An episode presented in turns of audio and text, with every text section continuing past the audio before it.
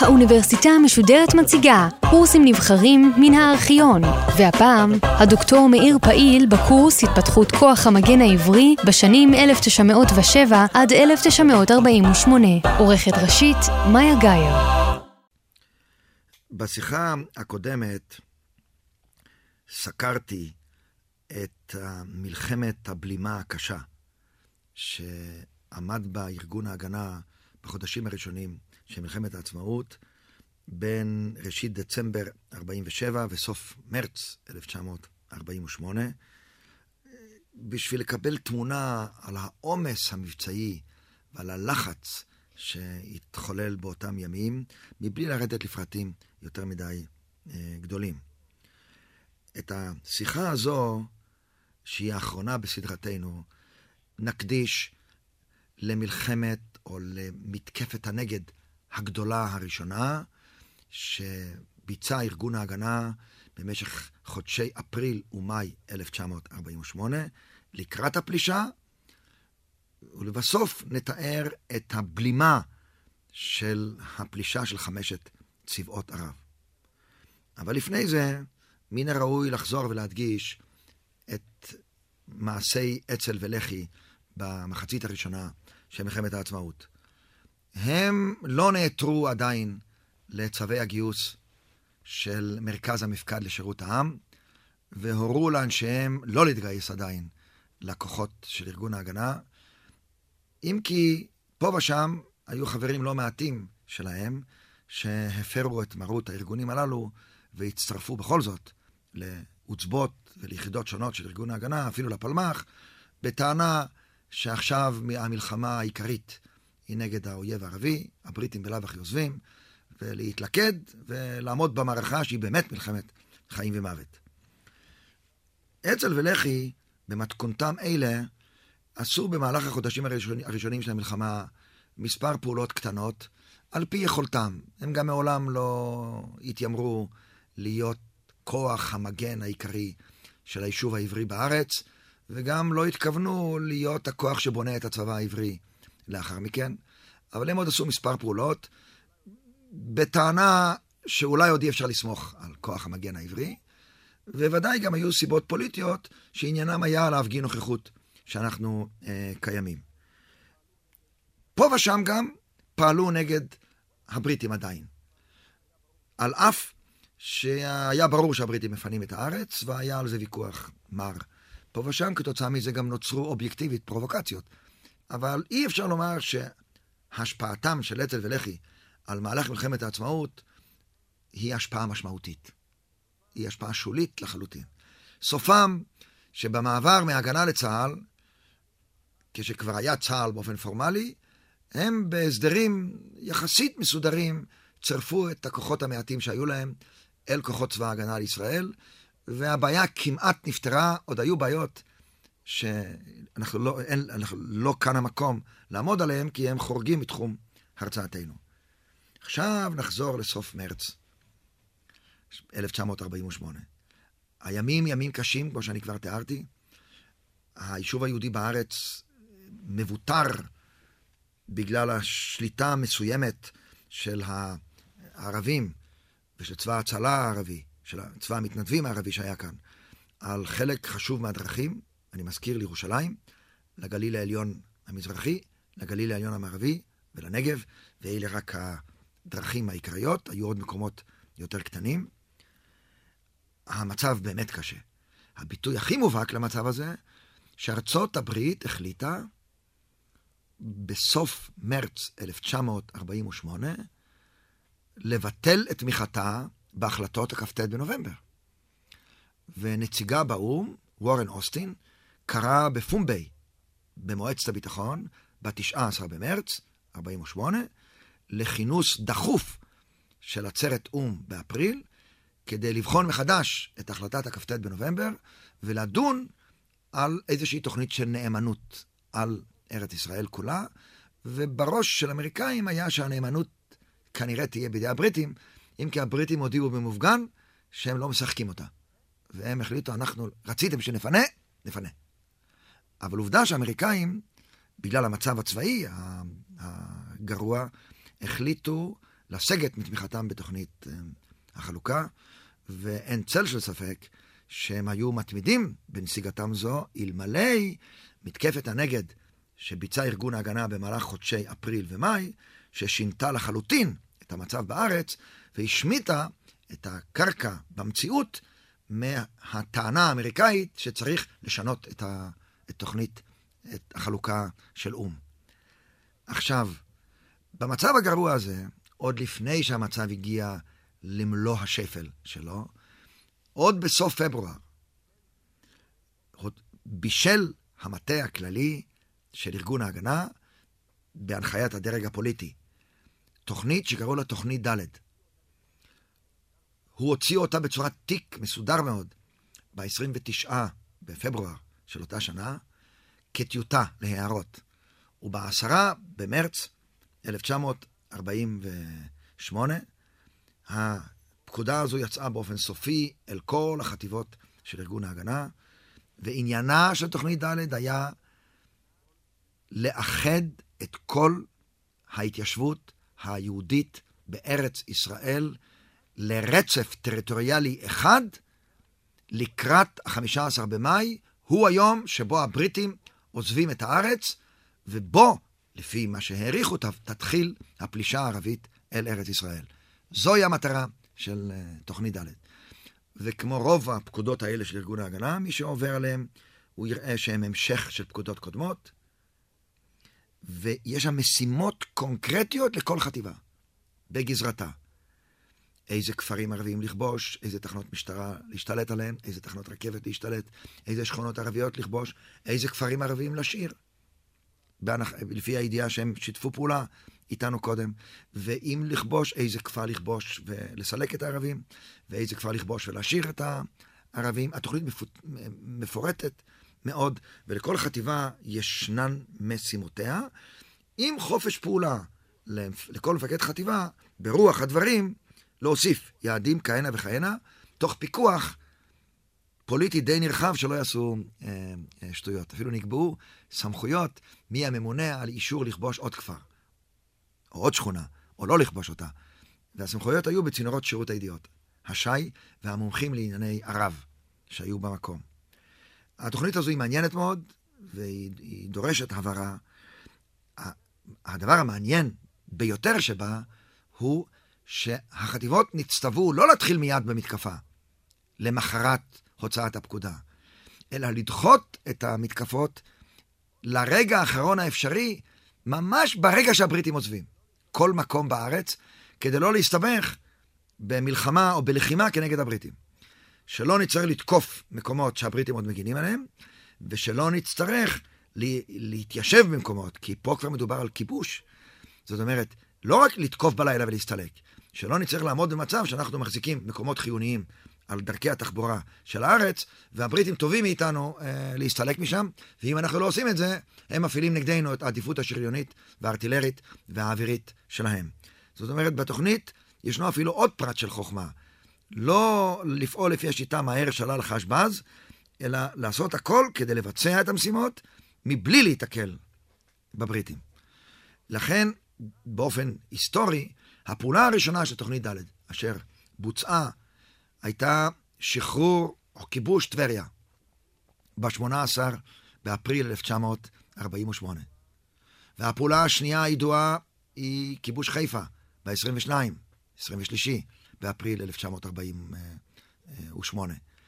וכיוצא באלה פעולות שנמשכו.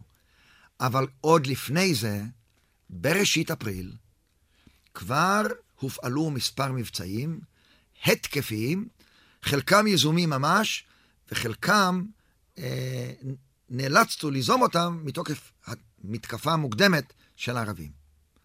אבל לפני זה, אני צריך להוסיף עוד נתון אחד. מאין לקח צבא העם העברי המתפתח והמתעצם נשק? לארגון ההגנה היו רק עשרת אלפים ושלוש מאות רובים. עוד ארבעת אלפים תת-מקלעים. עוד אלף מקלעים. מאין לקחו רובים לחמש את צבא העם ההולך ומתגייס? כבר רמזתי באחת השיחות הקודמות מאין הגיעו המטוסים. הצבא היה זקוק, הצבא, זה ארגון ההגנה הופך לצבא, היה זקוק לעשרות אלפים של רובים, לאלפים של מקלעים. בלי זה לא היה במה לחמש את הכוח, את צבא העם המתעצם. והתשובה ניתנה על ידי צ'כוסלובקיה של אותם ימים, שלאחר משא ומתן רציני איתה, שניהלו נציגי הסוכנות היהודית, עוד לא הייתה מדינה, וכמובן באישור של ברית המועצות, הם נאותו למכור לתנועה הציונית, להסתדרות הציונית, ואחר כך למדינת ישראל, כמויות רציניות ביותר של נשק.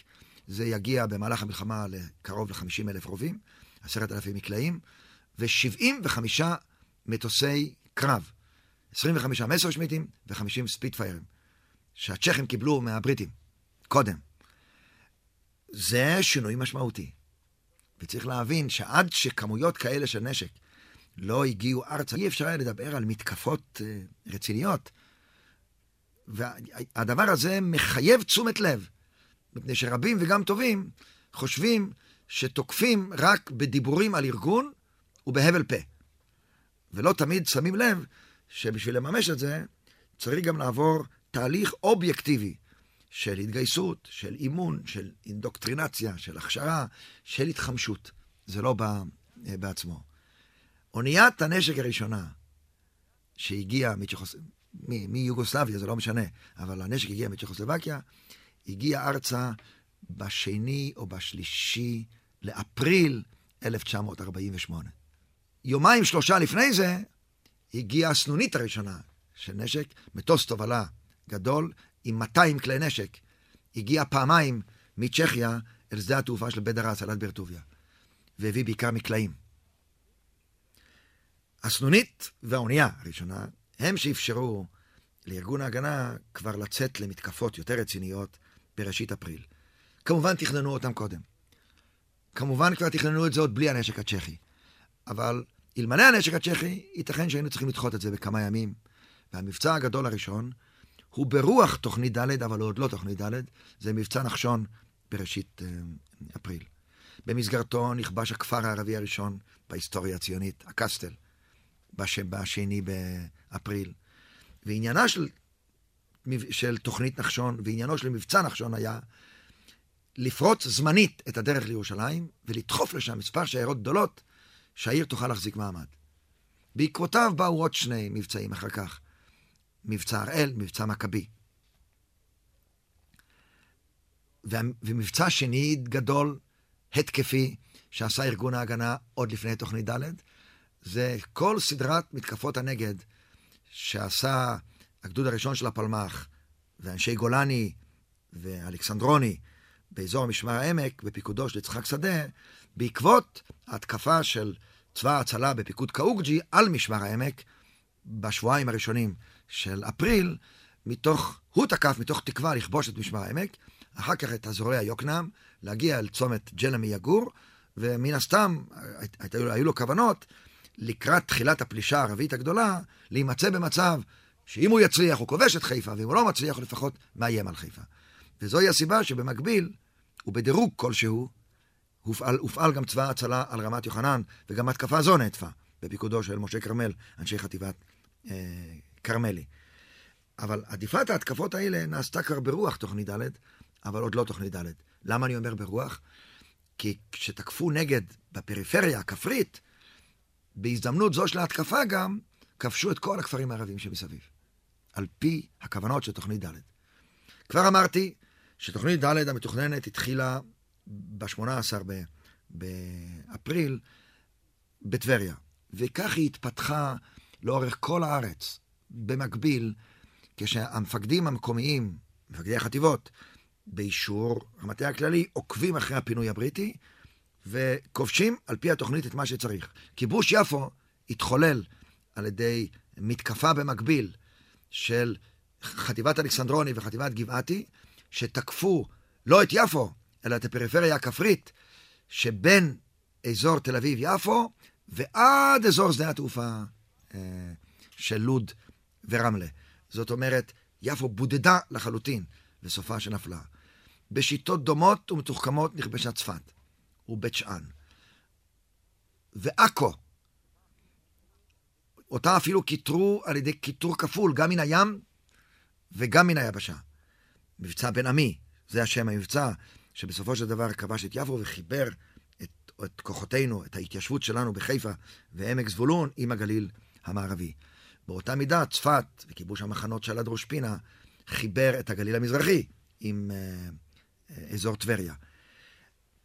כך מתחוללת לה תוכנית ד' במקביל בכל הארץ, פותחת דרך די טובה לנגב, מחברת את הנגב לרצף טריטוריאלי אחד, ומי שעוקב אחרי מפת ארץ ישראל באמצע מאי 1948, רואה לנגד עיניו שאכן מקיבוץ רביבים בדרום ועד מטולה בצפון מזרח וחניתה בצפון מערב, יש כבר רצף טריטוריאלי סביר של ההתיישבות היהודית על פני כל ארץ ישראל המערבית, שהדורות הקודמים הציוניים יישבו אותה.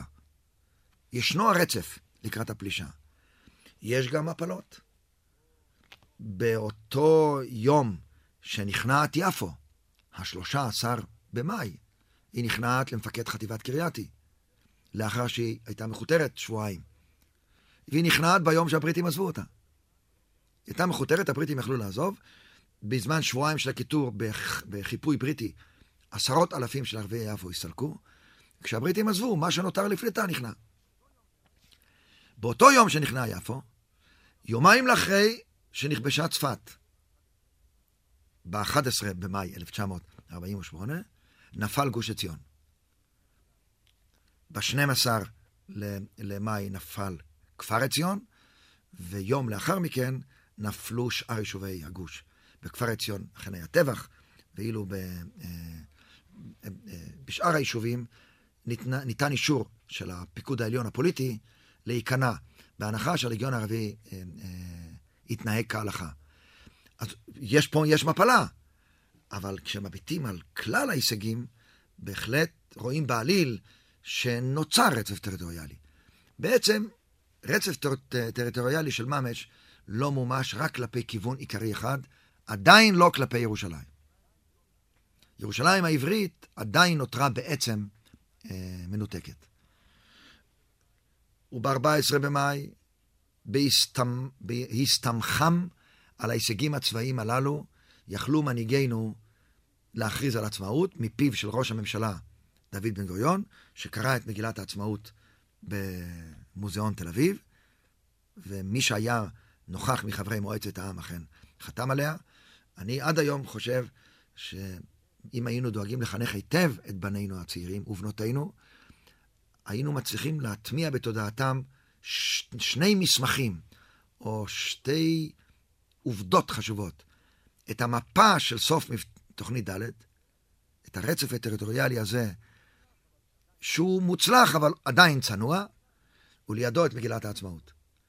זאת שיזכרו שכשהכריזו על עצמאות מדינת ישראל, היה לנו ביד, שלטנו בעצם, רק על מרחבי ההתיישבות היהודית בארץ ישראל המערבית, במין רצועות קומפקטיות, אבל עדיין צרות וארוכות, שהיו פרי של התיישבות בת שלושה דורות קודמים, והישגים צבאיים התקפיים של תוכנית ד' במשך חודש וחצי. זה הסכום. וכך קורה שמכריזים על עצמאות, הבריטים עוזבים את הארץ, ובשבת החמישה עשר לחודש באה הפלישה. כל עוצבות ארגון ההגנה וכוחותיו, כולם, מצאו את עצמם נרתמים למלאכת הבלימה. וכדאי לדעת, אין לנו זמן לדון בכל תוכנית הפלישה, אלא רק בביצוע שלה. בבת אחת פלשו ארצה חמישה צבאות ערביים. הצבא המצרי מדרום, בשני מאמצים, לאורך כביש החוף, מאמץ עיקרי בכיוון לתל אביב, ולאורך כביש ניצנה, באר שבע, חברון, ירושלים, מאמץ משני. הם הצליחו במשך ארבעה שבועות להגיע עד אזור אשדוד, אשדוד. הם הצליחו להגיע עד רמת רחל. הם אפילו הצליחו לנתק את הנגב מחדש, באזור על קו בית גוברין, אה, אשקלון. הצבא השני שפלש היה הצבא הירדני. שפלש מן המזרח, בואכה ירושלים, כשרוב כוחותיו עולים על ירושלים מצפון, ומצ... ואחר כך מערבה, ומנתקים אותה בלטרון. וכוחות קטנים הגיעו עד לוד ורמלה. אפילו כבשו לכמה ימים את גזר. והצבא השלישי זה הצבא העיראקי, שניסה לתקוף ולכבוש את גשר וסביבתה, אפילו את כוכב הירדן, ונעדף על ידי גולני ואנשי היישוב. ולאחר מכן הצבא הזה נכנס ארצה בגשר דמיה, והשתלט על כל ארץ השומרון של היום, עד ג'נין, עד טול כרם, אפילו על כמה כפרים ערביים במישור, קקון, אה, טייבה, טירה של היום, ועד כפר קאסם. הכוח הרביעי, הצבא הסורי, פלש ארצה ב, ב, מדרום לכנרת, כבש את עיירת צמח, תקף את הדגניות, נבלם על ידי אנשי היישובים, פלוס גולני, פלוס תגבורת שהגיעה מאזורי הצפון האחרים, ואפילו מאזור תל אביב, פלוס מתקפת נגד שעשה הגדוד השלישי של הפלמ"ח, וסופם שנעטפו בחזרה אל אזור אל-חמה. אבל הסורים, כעבור שבועיים, הצליחו בהתקפת פתע לצלוח את הירדן בצפון ולכבוש את משמר הירדן. והאויב החמישי, הלבנונים, הם, יחד עם אלמנטים רציניים של צבא ההצלה של קאוג'י, הצבא הלא כל כך סדיר שלו, שנסוג מן הארץ ערב הפלישה, לאחר מפלת אה, משמר העמק ועוד קרבות לא מוצלחים שלו באזור ירושלים, פלש מחדש ארצה דרך לבנון, בחסות הלבנונים, דרך מלכיה סאסא, והגיע עד נצרת, וזו הפלישה, זה ציר הפלישה, או זה כוח הפלישה החמישי. עכשיו, מי שמביט על מפת הפלישה ומפת ההישגים, יכול לראות לאיזה מצב חמור אנחנו הגענו. אפשר היה להגיד מאיגרא רמא של הישגי תוכנית ד' לבירא עמיקתא של פלישות עמוקות אלינו, בדרום עד אשדוד, עד ירושלים, ניתוק הנגב, לטרון, לוד, רמלה, ג'נין, אה, טול כרם, אה, טייבה, אה, נצרת, זה מאוד לא סימפטי. ארגון ההגנה, באמצעות עוצבותיו, עשה כל מה שהוא יכול להתגונן ולבלום, ואפילו לקראת סוף מאי, ראשית יוני, הכניס סדרת התקפות נגד חטיבתיות, אפשר להגיד בחירוף נפש מלא, כדי לנסות לבלום. כל ההתקפות האלה, שש במספר, נבלמו. שתיים באזדוד, שלוש בלטרון ואחת בג'נין. אבל האפקט הפסיכולוגי המצטבר שלהן הביא את הפיקודים העליונים של צבאות ערב הפולשים להסכים גם הם להיעתר ולעצור את הפלישה, כי הם הבינו שגם הם זקוקים לראורגניזציה. ואצלנו זה היה אכן ברור. זאת אומרת, בסוף מאי, בימים הראשונים של יוני, עוד לפני ההפוגה הראשונה, כשבעיצומה של המלחמה הכי נוראה שהייתה עד היום בין העולם הערבי ובין ישראל, כשצבאות ערב פולשים נמצאים בתוככי ארץ ישראל, וכוחות ארגון ההגנה נמצאים כולם רתוקים למעשה הבלימה, ומצמידים גם את הצבאות הערביים לקרקע, וחוסמים אותם על ידי מגננה ומתקפות נגד, בעיצומם של הקרבות הקשים האלה בסוף מאי וראשית יוני, הופך ארגון ההגנה ומשנה את שמו לצבא הגנה לישראל. ממש בעיצומם של הקרבות האלה. זאת אומרת, אפשר לומר, את מלאכת הבלימה של הפלישה עוד עושה ארגון ההגנה. צבא ההגנה לישראל, שהוא אינו אלא ארגון ההגנה שמשנה את שמו, מסיים את הבלימה. ולאחר מכן, בעקבות ההפוגה הראשונה שתימשך ארבעה שבועות, יתחיל צבא ההגנה לישראל הזה בסדרה של מתקפות נגד שהצליחו לסלק מן הארץ את רוב צבאות ערב הפולשים. ובמעבר הזה, בעיצומה של הפלישה הזו של צבאות ערב, בין ההגנה לצה"ל, ראוי שנסיים את סדרת ההרצאות הזו.